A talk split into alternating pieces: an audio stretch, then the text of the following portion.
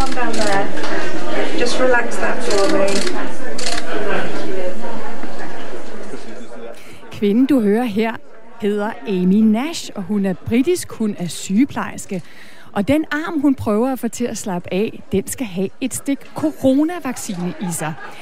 Det er der jo ikke noget usædvanligt i i sig selv. Over 88 millioner gange har sygeplejersker som Amy Nash skudt en coronavaccine ind i en britisk arm.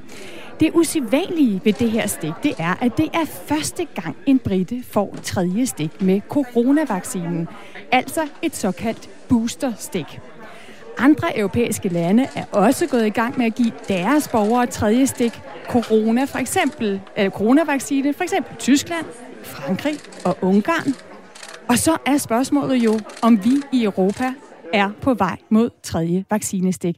Og er det den bedste måde at beskytte kontinentet imod flere bølger af corona?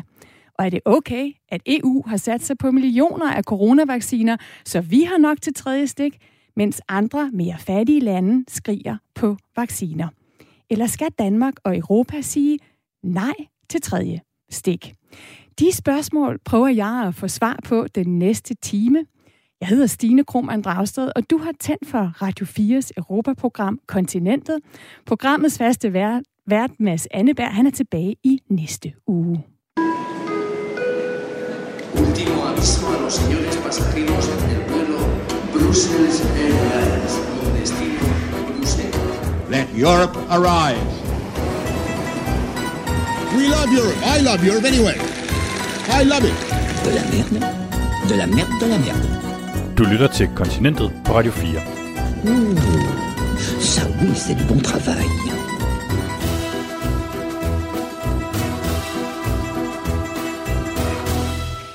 En mand har allerede et klart svar på, om Europa bør gå i gang med tredje runde af covid-19-vaccinationer. Han hedder Tedros Adhanom Ghebreyesus, og han er generaldirektør for Verdenssundhedsorganisationen WHO. Hans svar er et rungende nej. Og hvorfor det? Jo, fordi tredje stik er et udtryk for vaccinegrådighed, der går ud over andre. We should not accept countries that have already used most of the global supply of vaccines using even more of it, while the world's most vulnerable people remain unprotected. Ja, vi bør ikke acceptere, at lande, der allerede har brugt størstedelen af coronavaccinerne, at de nu bruger endnu flere, mens verdens mest sårbare lande ikke er beskyttet, siger altså generaldirektøren for Verdenssundhedsorganisationen WHO. Og, vi, og WHO går, går videre end bare med den her advarsel. De opfordrer til et moratorium, altså hvad man kan kalde et midlertidigt stop for, at vestlige lande, inklusive også i Europa, bruger coronavacciner til at give et tredje stik. Nu kan jeg byde velkommen til dig, Flemming Conradsen. Godmorgen. Godmorgen. Du er professor i global sundhed ved Københavns Universitet. Og udover at have et imponerende overblik over corona, øh, coronavaccineudrulningen i, i forskellige lande, så ved jeg også, at du er optaget af de her spørgsmål, som den her øh, tredje stiks øh, coronaudrulning, altså den rejser, hvilken debat den rejser, hvordan fordeler vi vaccinerne bedst, øh, hvor gør de den største øh, forskel. Flemming Conradsen, jeg tænker, at vi starter med hovedspørgsmålet, som WHO rejser de siger, det er ikke okay, at vi i Europa rager vacciner til os, mens andre lande i verden ikke engang har til ja, 2% af deres befolkning, fordi de mangler vacciner. Hvis vi lige starter med et overblik, altså i EU, der har de allerede sagt, at vi har vacciner nok til, at alle os, der bor i et EU-land, vi kan få et tredje stik. Hvor mange vacciner er det, EU har sikret sig? Ja, de har udnyttet en option på indtil videre at kunne hvad kan man sige, lægge beslag på 200 millioner ekstra og kan gå op til 500 millioner ekstra doser. Øh, de 200 millioner, de er fra Pfizer. Og så løbende indgår man aftaler om nye forsyninger, både for nye producenter og for dem, vi allerede kender. Og nu siger jeg sikret sig, men betyder det så, når du siger øh, 200 millioner, 500 millioner, at, at, at EU så sidder på et kæmpe lager af millioner af vacciner? Nej, de vil løbende komme ind til de forskellige lagre rundt omkring i EU.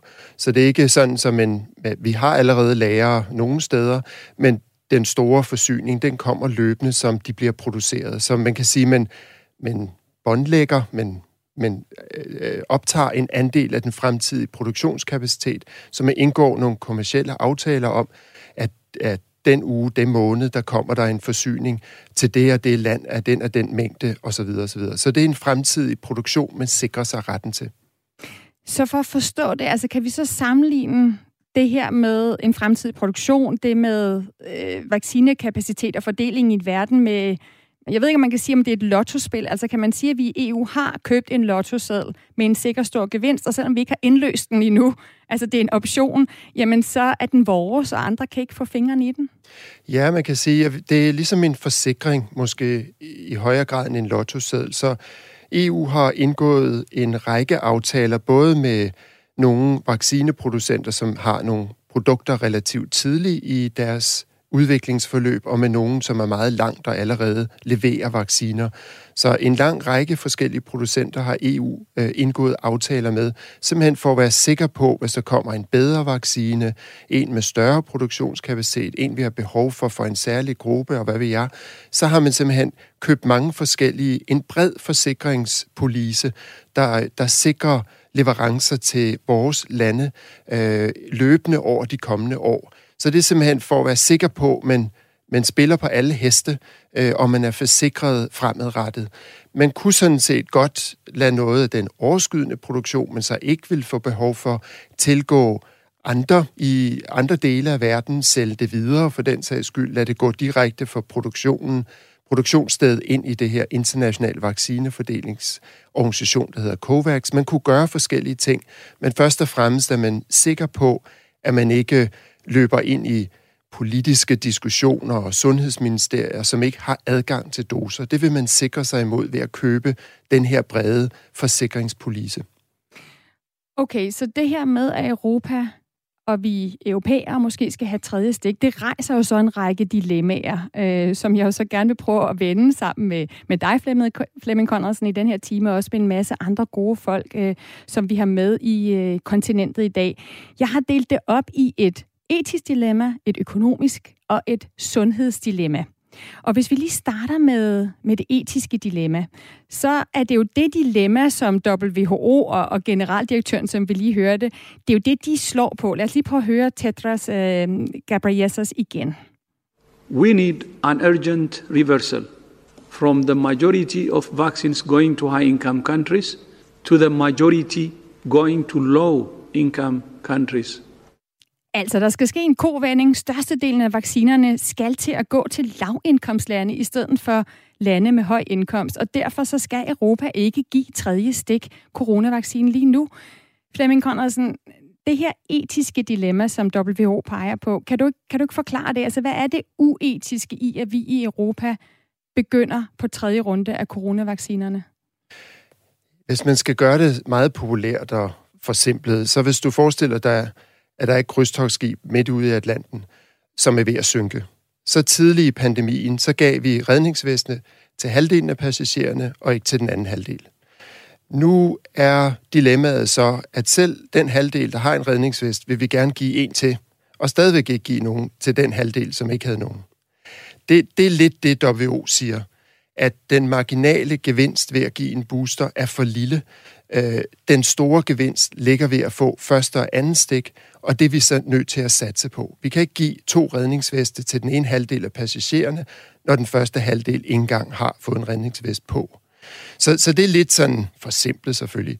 Og det, som man fra Verdenssundhedsorganisationens side siger, det er, at følgerne af pandemien bliver alt for store socialt, økonomisk, sundhedsmæssigt, hvis vi ikke som minimum, og der bønfalder de faktisk det internationale samfund, det her øh, pause, du siger, med boostervaccine i vores del af verden. De siger, vi må først og fremmest sikre os, at de allermest udsatte, alle steder i verden, sundhedsarbejderne, der er stor risiko for smitte og smitte videre, de særlige grupper af ældre eller folk med underliggende sygdom, dem må vi altså sikre først, før vi ruller en booster ud andre steder. Og så siger Verdensorganisationen også, hold nu fokus på i alle jeres lande også der, hvor I er kommet langt med vaccinerne, at I får dækket alle med første og anden stik, før I tager en subgruppe og giver dem en booster. Det er fra et folkesundhedsperspektiv langt det mest effektive. Så er det både global udfordring og også lokale, nationale udfordringer med at sikre en bred dækning af vaccinerne. Jeg kunne godt tænke mig, at vi prøver så at finde ud af, hvad det betyder helt konkret. Altså når WHO så siger til for eksempel europæiske lande, hold lige hesten, indtil resten af verden har fået vaccineret de mest sårbare. Altså de siger, Tedros at, at øhm, øhm, hvad hedder det, Greba, nu skal jeg lige se, om jeg kan udtale hans navn, øhm, altså, hvad hedder det, direktøren for øh, Verdenssundhedsorganisationen, han er ude at sige 10 procent. Det er det, han ligesom, det er et, øh, en, en vurdering af, hvad der skal bruges til, at man dækker de mest sårbare i de fattigste lande. Og vi må lige vente med det her tredje stik, til man i hvert fald har dækket 10 procent af de fattigste lande indbyggere. Hvis vi lige kigger på, hvad det betyder, Flemming Conradsen, ved at tage to lande som, som eksempler, øhm, som har nogenlunde samme indbyggerantal. Tyskland har cirka 83 millioner mennesker, og så et land som Vietnam, der har 96 millioner indbyggere. Over 6 øh, hvad hedder det, 66, 65 undskyld, procent af tyskerne har fået to doser corona-19-vaccine. Øh, altså langt over halvdelen af tyskerne er allerede færdige med begge vacciner. Det samme tal i Vietnam, det er under 2 procent, det er 1,3. Så for lige at skære det ud, af, ud i prep, 65 procent i forhold til over, lidt over 1 procent, øh, hvis vi sammenligner Tyskland og Vietnam. Tyskland har altså brugt knap 100 millioner coronavacciner, og de skal bruge 100 millioner flere mindst, hvis alle tyskere skal have et tredje stik. Kan man sige det sådan, Flemming Conradsen, altså hvor meget batter det, hvis et land som Tyskland dropper tredje stik? Hvad vil det betyde for, om Vietnam så vil kunne få flere vacciner? Ja, det korte svar på, hvor meget det vil batte i Tyskland for at give boostervaccinen, der, det ved vi faktisk ikke. Jeg vil sige, stadigvæk så er vidensgrundlaget for, hvem og hvornår vi skal give en booster noget uklart. Det kommer selvfølgelig løbende data ind, og der er noget, der tyder på, som vi kunne forvente, at beskyttelsen, i hvert fald det vi kan måle i de nuværende studier, beskyttelsen mod infektion og måske videre smittespredning, reduceres over tid. Men i hvor høj grad en booster for alvor vil beskytte os mod svær sygdom, indlæggelse og død, det mangler vi stadigvæk data på. Så i hvor høj grad en booster reelt vil give en beskyttelse øh, i Tyskland, det, det er stadigvæk noget uklart. Det ved jeg, vi kommer tilbage til. Men, men også, øh, også noget, der tyder på, at vi måske skal være mere målrettet i vores anvendelse af booster, fordi det er en sær, ganske særlig gruppe, som har mere behov for det, end den almindelige befolkning, der er vaccineret. Men, men selvfølgelig vil den ulighed give meget store konsekvenser, forskellige konsekvenser på pandemien mellem Vietnam og Tyskland. Tyskland er efterhånden rigtig godt beskyttet mod pres på sundhedssystemet, fordi de mest sårbare allerede har fået to stik. Og i Vietnam, der står vi og ser, at sundhedssystemet er under massivt pres. Så der vi forvente bølge efter bølge, der vil ramme Vietnam, hvorimod at Tyskland i meget mindre udstrækning vil risikere det samme. Så vi står over for en verden, der er vaccineret, og en, der ikke er vaccineret. Med alle de politiske, økonomiske, sociale, sundhedsmæssige konsekvenser, det vil have. Så for Verdenssundhedsorganisationens perspektiv, det tætteste vi kommer på en global sundhedsminister, så er det utrolig ineffektivt at give for mange et sted og næsten ingen et andet sted. Og hvis vi så lige tager det her etiske dilemma videre til Tyskland, så har øh, Tyskland selv et ret klart svar. Altså WHO, de siger nej, vent med tredje stik. Tyskerne, de siger ja. De er ret overbevist om, at det har de brug for. Min øh, kollega Miriam Legård Jacobsen ringede til en politiker fra regeringspartiet.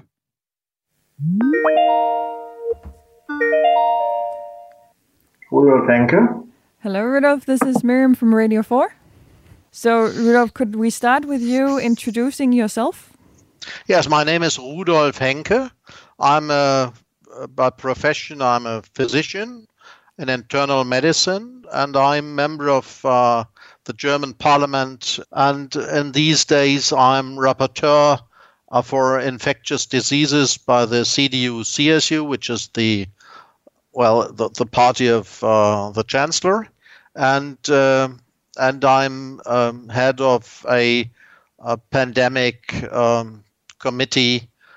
Så det Rudolf Henke siger her, han øh, hedder altså Rudolf Henke. Han er politiker i den tyske Bundestag og øh, er for partiet CDU, hvor han lige nu sidder i deres øh, sundhedsudvalg og blandt andet er formand for en af de komiteer, der arbejder med øh, coronapandemien.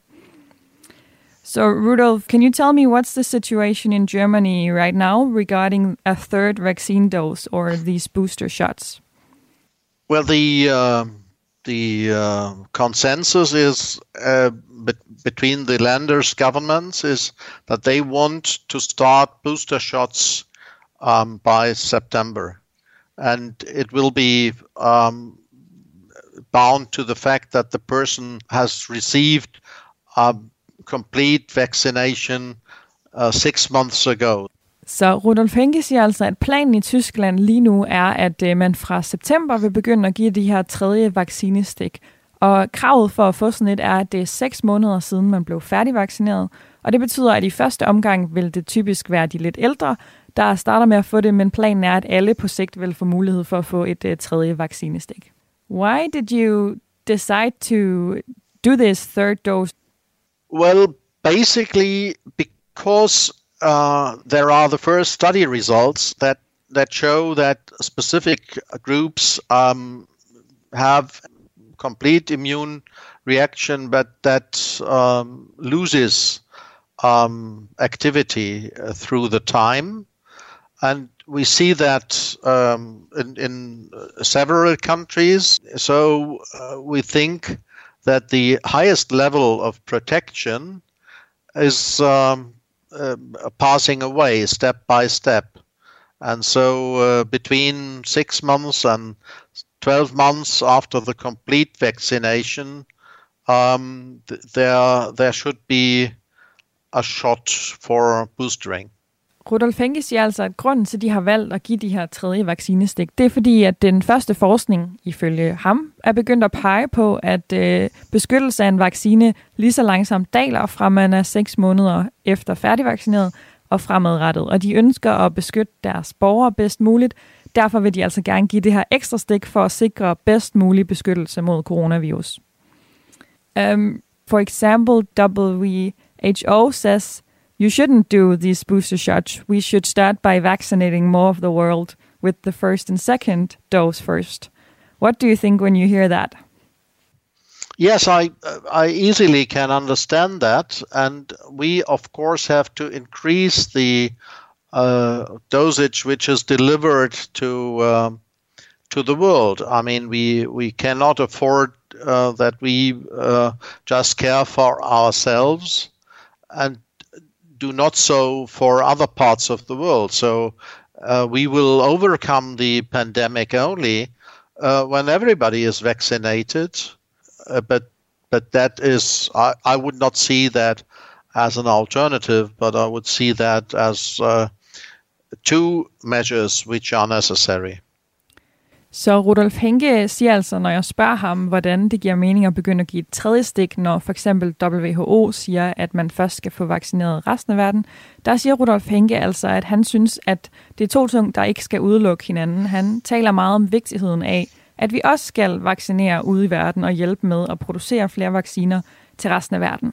Men så er jeg jo nødt til lige at spørge ham, hvordan det egentlig lige hænger sammen med at lægge beslag på næsten 100 millioner vaccinedoser. Øh, Rudolf, I know that you're saying that these are not two things that cancel out each other, but at the same time, by wanting to give a booster shot to the German uh, people, you are taking kind of uh, around uh, 90 million vaccine shots that could have been distributed other places. So, how do you justify doing this now while other countries have only had very few vaccines yet? I I don't think that this is um, taking the vaccination away from people who could get it otherwise. Um, and uh, at the same time, I agree that we need to um, enforce the production all over the world. Yes, that's true. Så jeg får altså ikke helt Rudolf Henke til at svare på det her med, om det tager dem væk fra andre lande, der kunne have fået de her vacciner. Det mener han simpelthen ikke, at det gør. Han mener ikke, det handler om mængden af vacciner, men om, øh, hvordan de bliver distribueret ud, og han mener altså ikke, at det her vil tage nogen væk fra nogen andre. Um, Rudolf, you are some of the first people in the EU to do this together with France and Hungary, as I understand. Um, did you consider waiting for some kind of uh, common EU plan for a third dose, or is it the right thing to be every country for themselves? I think then we should have an information about uh, such a program by the EU. I don't uh, notice a program that like that by the EU. Um, and so, I mean, everybody has to take his or her own decisions. Jeg spørger Rudolf Henke, om det ville have været smart at vente på, at resten af EU lavede en fælles plan for, hvad man egentlig gjorde med det her tredje stik. Men han siger, at de har altså ikke hørt noget om, at der var sådan nogle planer lige på trapperne i EU, og derfor så kan man jo blive nødt til som land at handle på sine egne vegne. So thank you so much, Rudolf. All the best. You too. Thank you so much. Stay Rudolf. healthy. Bye. Ja, ifølge Rudolf Henke fra det regerende tyske parti CDU, så øhm, holder han altså fast i, at det er vigtigt, at tyskerne får tredje dose, fordi de tyske sundhedsmyndigheder mener, øh, at det er nødvendigt, og han mener ikke, at tyskerne dermed tager vaccinerne fra fattige lande. Det handler om at øge kapaciteten, så vi kan øge vaccineproduktionen. Flemming Conradsen, professor i øh, global sundhed. Altså, tyskerne siger, det er ikke et enten eller, det er et både og. Øh, er det realistisk? Ja, det kommer også lidt an på tidsperspektivet. Øh, lige her nu, der er det ikke realistisk. De vacciner, som bliver skudt i armen på tyskere og så videre, det betyder, at der er nogle andre, der ikke får dem. Lige nu er produktionskapaciteten så begrænset, at øh, der er nogle andre, der ikke får de vacciner, som øh, bliver givet som tredje skud i Tyskland. Det, det er der ingen tvivl om.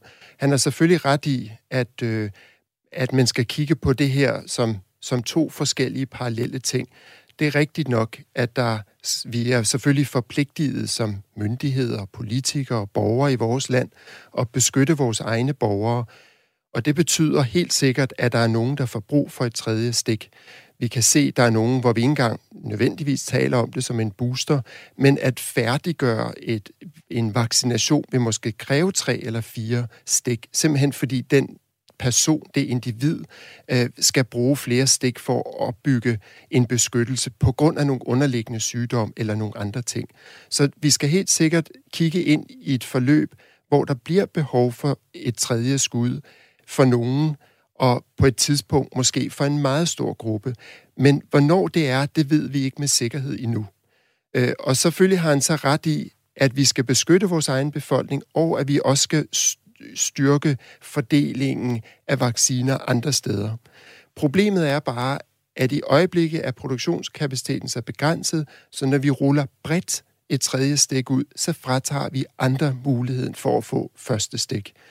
Og der er heller ikke så meget, der tyder på, hverken i G7 eller G20 eller EU, at man for alvor lægger kontanter bag sin ord om, at nu skal vi støtte en øget global produktionskapacitet, øh, fordelingssystemer, nationale vaccineprogrammer.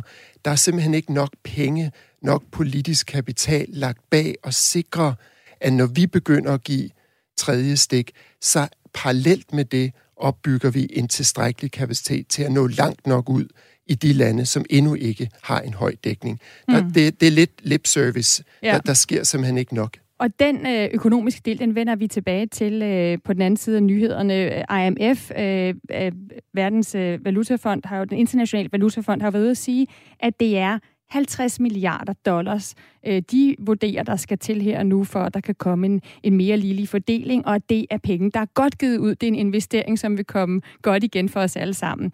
Øh, lige efter nyhederne, som vi skal have her om lidt, der kigger vi netop på, Altså en ting er vores samvittighed, det her etiske dilemma, vi har været lidt rundt om øh, nu. Øh, noget andet, det er benhård økonomi. Altså, hvor giver det egentlig mest buck for the money, at vi bruger vores øh, vacciner? Og så har jeg jo også øh, selvfølgelig, øh, nu fik vi jo lige et svar fra, fra Tyskland og fra det regerende parti CDU på, hvorfor de giver tredje vaccinestik. Vi har selvfølgelig også her på kontinentet prøvet at få fat på vores sundhedsminister, Magnus Heunicke, for at høre, øh, hvad der egentlig ligger bag den politiske beslutning, der skal træffes her i Danmark. Og det svar, det kan du også høre lige på den anden side af nyhederne, der kommer nu her på Radio 4.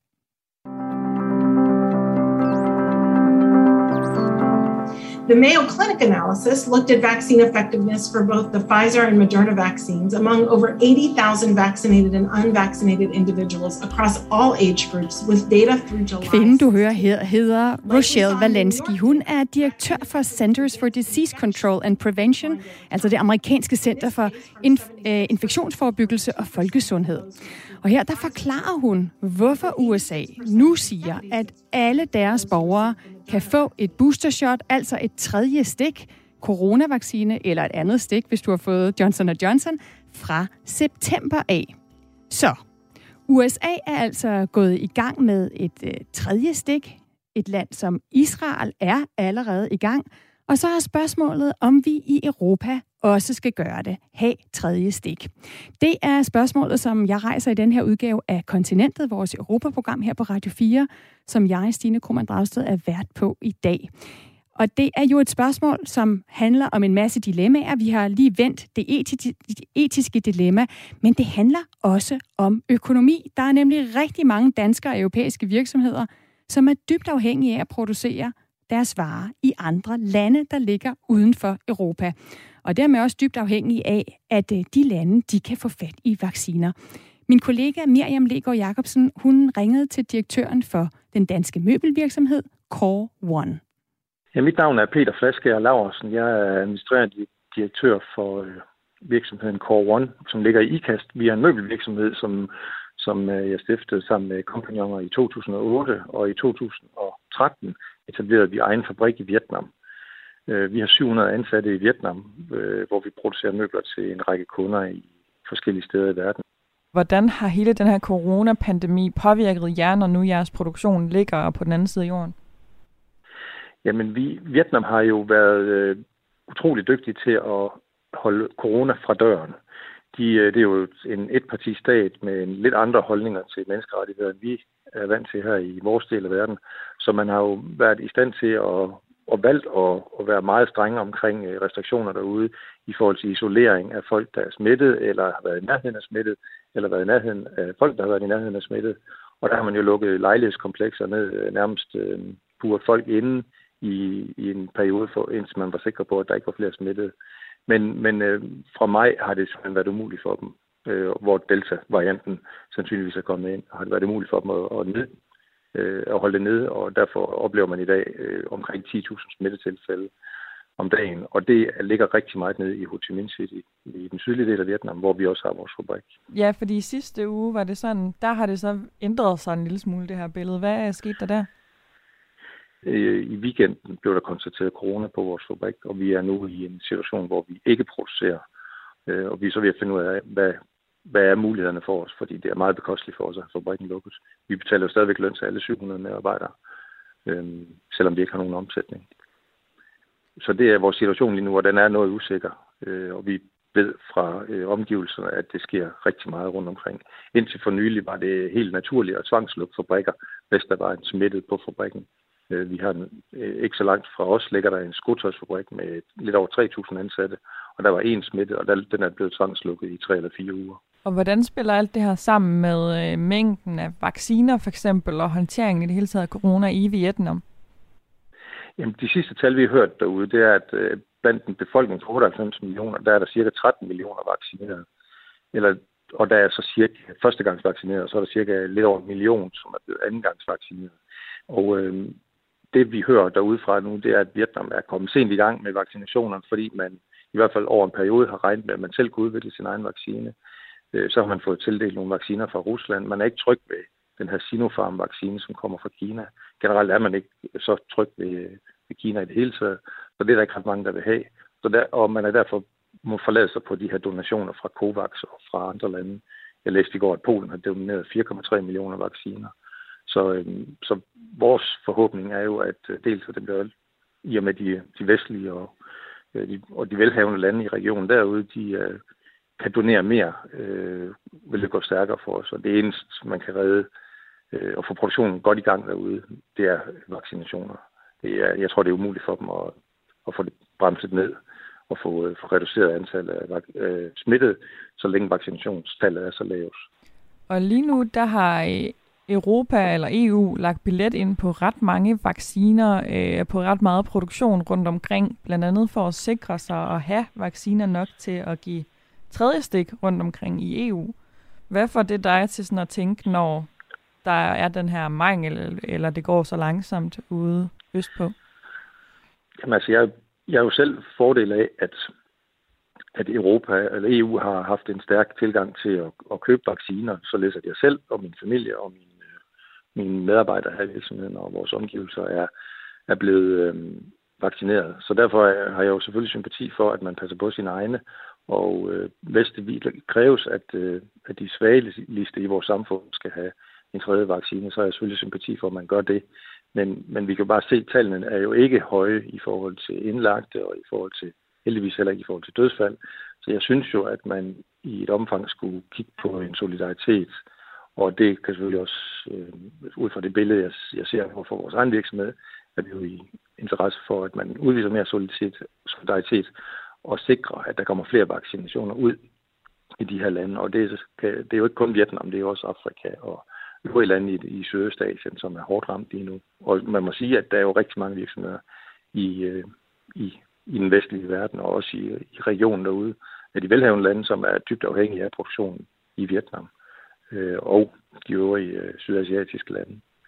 Så det er jo i vores interesse at få skabt øh, sikkerhed for folk derude og få genetableret øh, de her i forvejen forstyrrede supply chains. Øh, I er jo mange europæiske virksomheder, der benytter sig af produktion øh, i Vietnam eller de omkringliggende lande. Hvordan ser du, at EU og Europa bedst hjælper jer lige nu, som situationen er?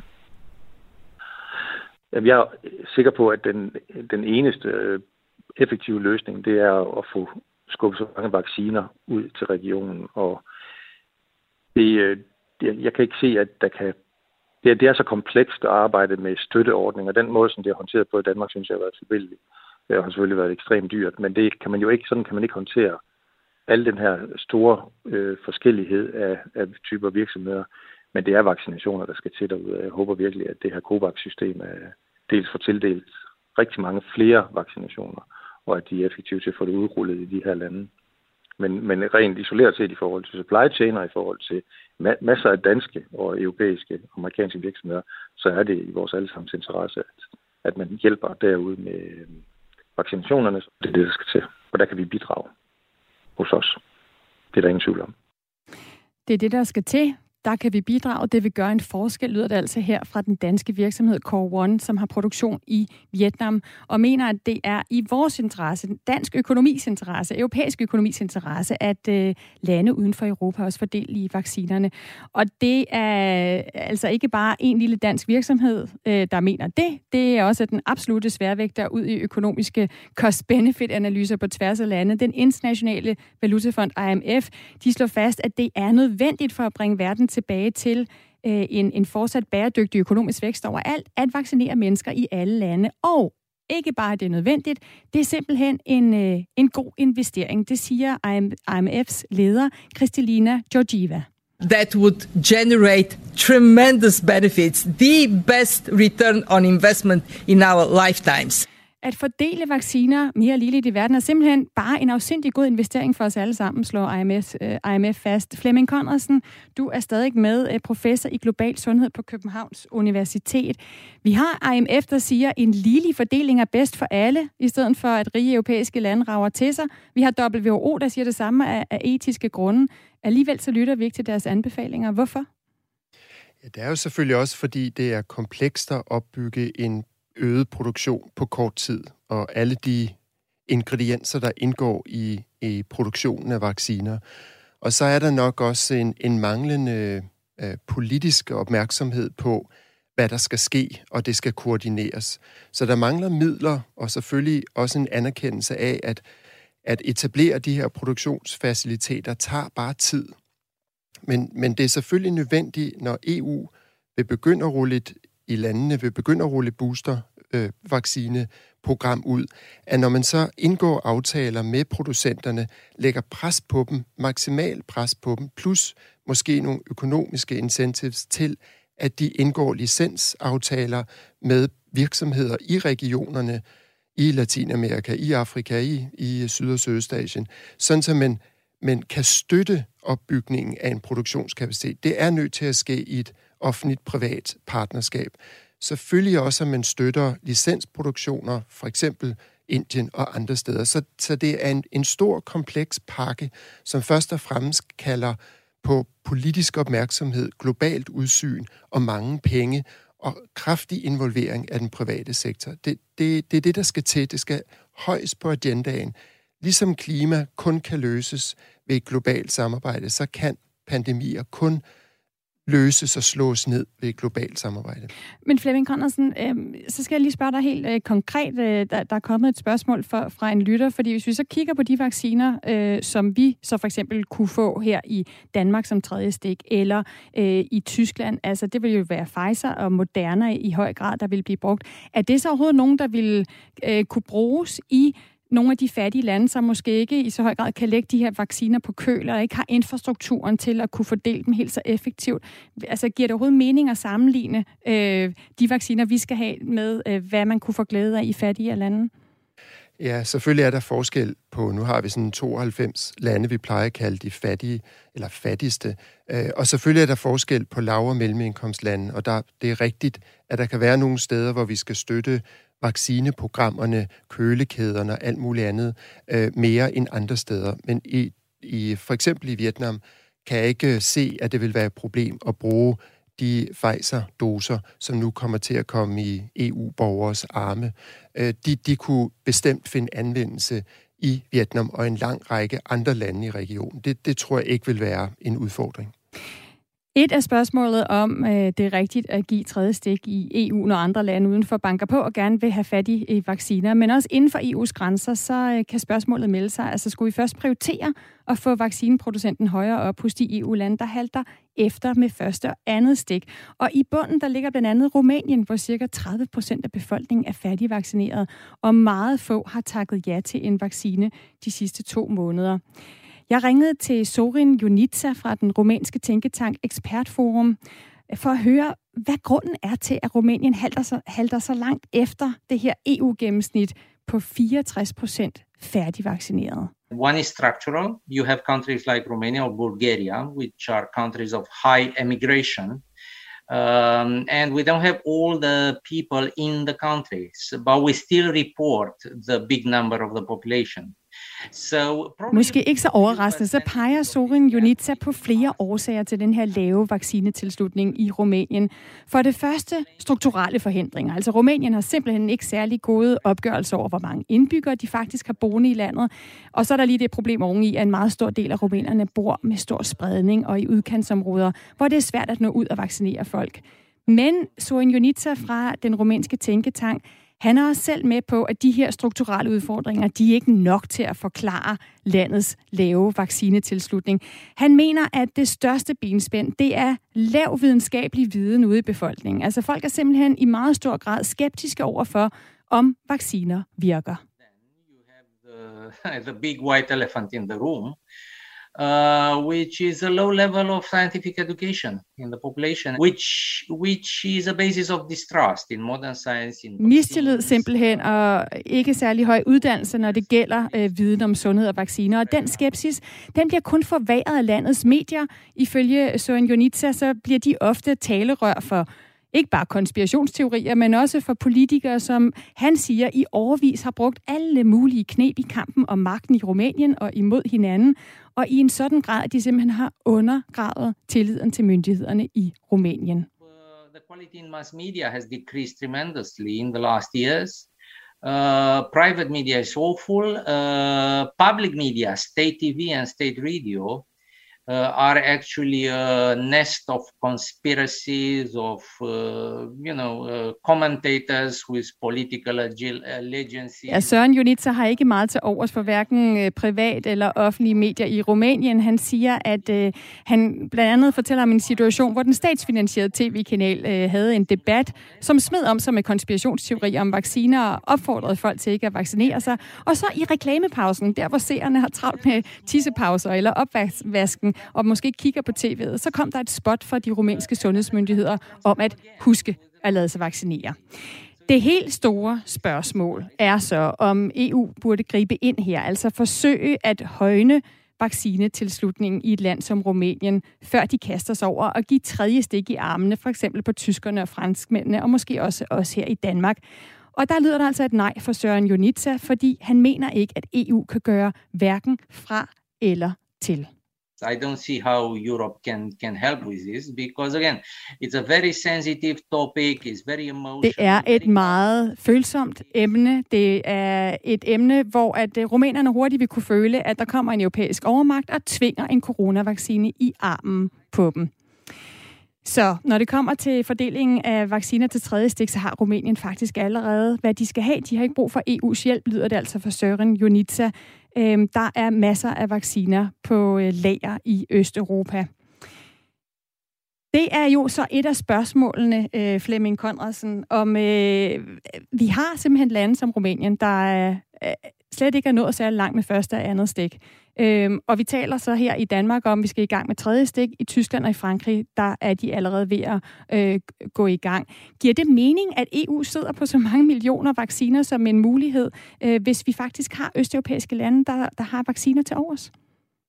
Ja, det er rigtigt. Det er et dilemma, og vi ser generelt nogle lande for lageropbygning.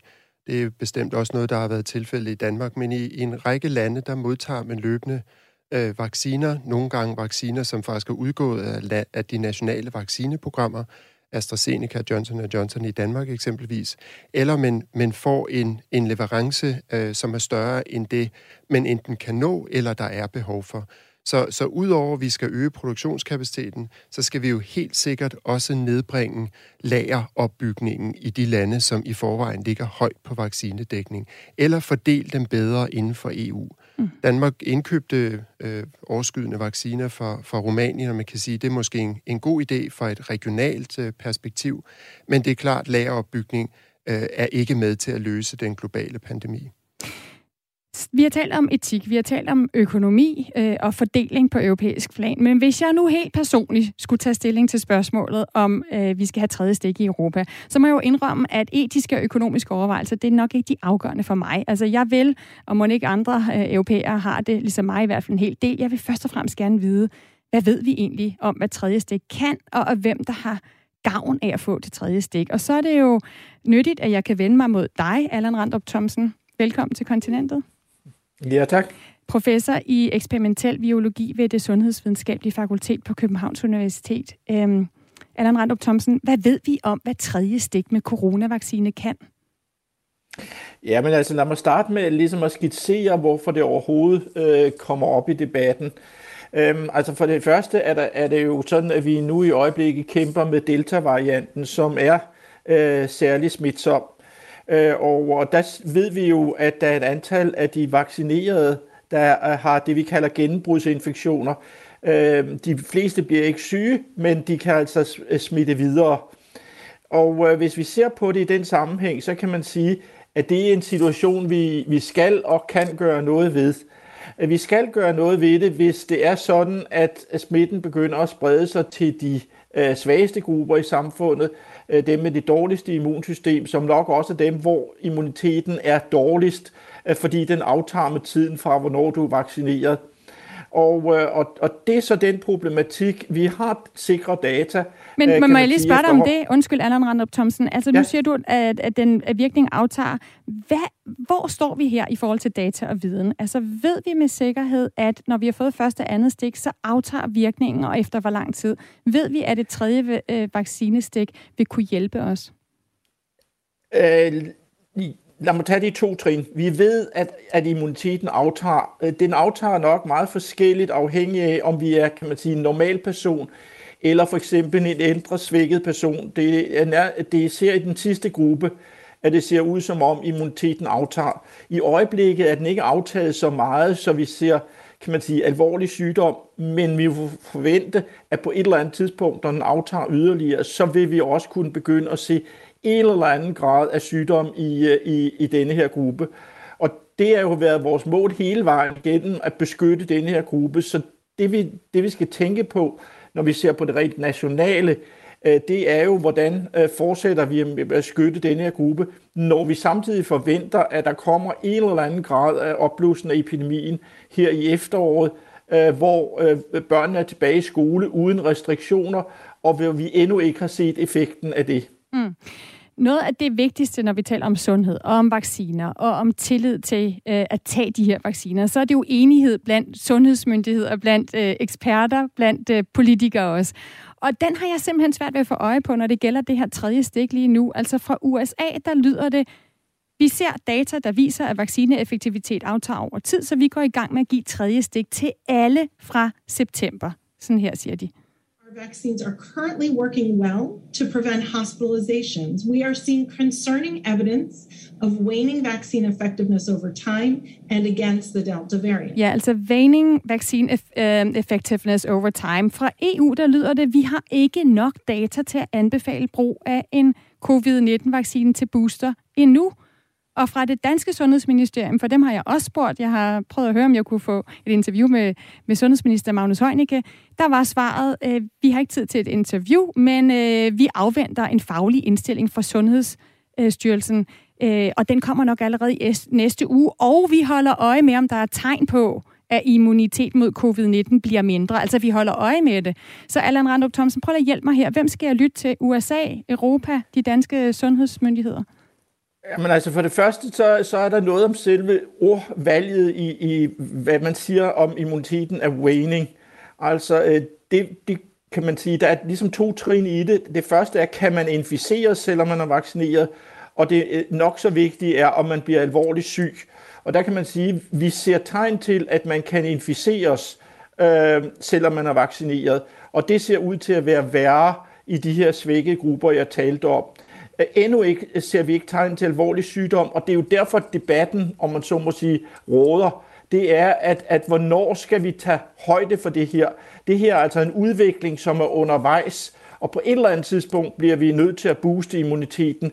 Men hvornår er tidspunktet? Hvornår er det nødvendigt? Og der kan man sige, at man kan vente til der, hvor man begynder at se stigende indlæggelser blandt de svækkede, fordi nu er immuniteten så dårlig. Man kan også have det udgangspunkt at sige, at vi vil gøre det på forhånd, fordi det kan være svært at, at have, hale det ind, når det først begynder at ske. Mm. Og det er jo i virkeligheden i sidste ende meget også en, en politisk afvejning af, øh, hvor, i hvor høj grad skal vi gå med seler og livrem. Vi ja. har ikke nogen akut krise, men vi skal jo også tænke fremad. Og Allan Randrup Thomsen, øh, tiden løber desværre, fordi da vi har enormt mange spændende dilemmaer at snakke om med det her med tredje stik. Men jeg vil gerne lige nå både forbi dig og Flemming Conradsen, så nu spørger jeg om lidt kortere svar her til sidst. Øh, jeg, jeg ved, det er svært at lave cost-benefit-beregninger inden for sundhed. Men prøv lige at fortælle mig, Allan Randrup Thomsen, øh, kan, kan du svare på, hvis nu snakker vi om, det virker med tredje stik, og hvem det giver mening at give det til. Hvorfor vil det ikke altid give bedre mening at give et stik til en ikke-vaccineret europæer, så vi opnår mere fuld dækning, end at begynde på at give tredje stik til fuldt vaccineret? Jamen, det kan også sagtens være, at det er sådan. Nu er jeg ikke sundhedsøkonom, så jeg har ikke kigget på den del af det. Øhm, men jeg tror umiddelbart, at den politik, der bliver øhm, hvad skal man sige, fastlagt i Danmark, den vil primært være indrettet på, hvordan beskytter vi bedst det danske samfund. Og derfor bliver den, hvad skal man sige, internationale synsvinkel nok tonet meget ned i de beslutninger, der bliver taget her. Mm. Og hvis jeg skal spørge dig om det samme, Flemming Conradsen, her til sidst. Altså, hvis jeg, jeg ved ikke, om, om det er for meget at sætte det på spidsen, men jeg kunne sige, hvad er vigtigst for min egen sundhed, Stine Krohmann Dragsted, at jeg får et tredje stik, eller at jeg undgår at blive smittet med en ny og farlig variant, øh, og i stedet for giver vaccinen til en ikke-vaccineret i for eksempel Vietnam, eller Indien, eller Nigeria? Ja, det er bestemt ikke nemt at svare på. Og selvfølgelig, det vil Allan vide mere om, jeg gør, men, men alt efter din personlige øh, sygdomshistorik, din profil. Hvis du er en, en sårbar person øh, med underliggende sygdom, som måske ikke øh, responderer så godt øh, til en, vak- en vaccine, så kan det måske give rigtig god mening, at du får tredje stik. Men hvis du er en, en gæv gut på 22 for Jøring, som ingen underliggende symptomer har overhovedet, øh, og ikke med nogen sandsynlighed kommer til at lægge pres på vores sundhedsvæsen, så vil jeg tro, at den vaccine øh, var bedre givet ud i Vietnam.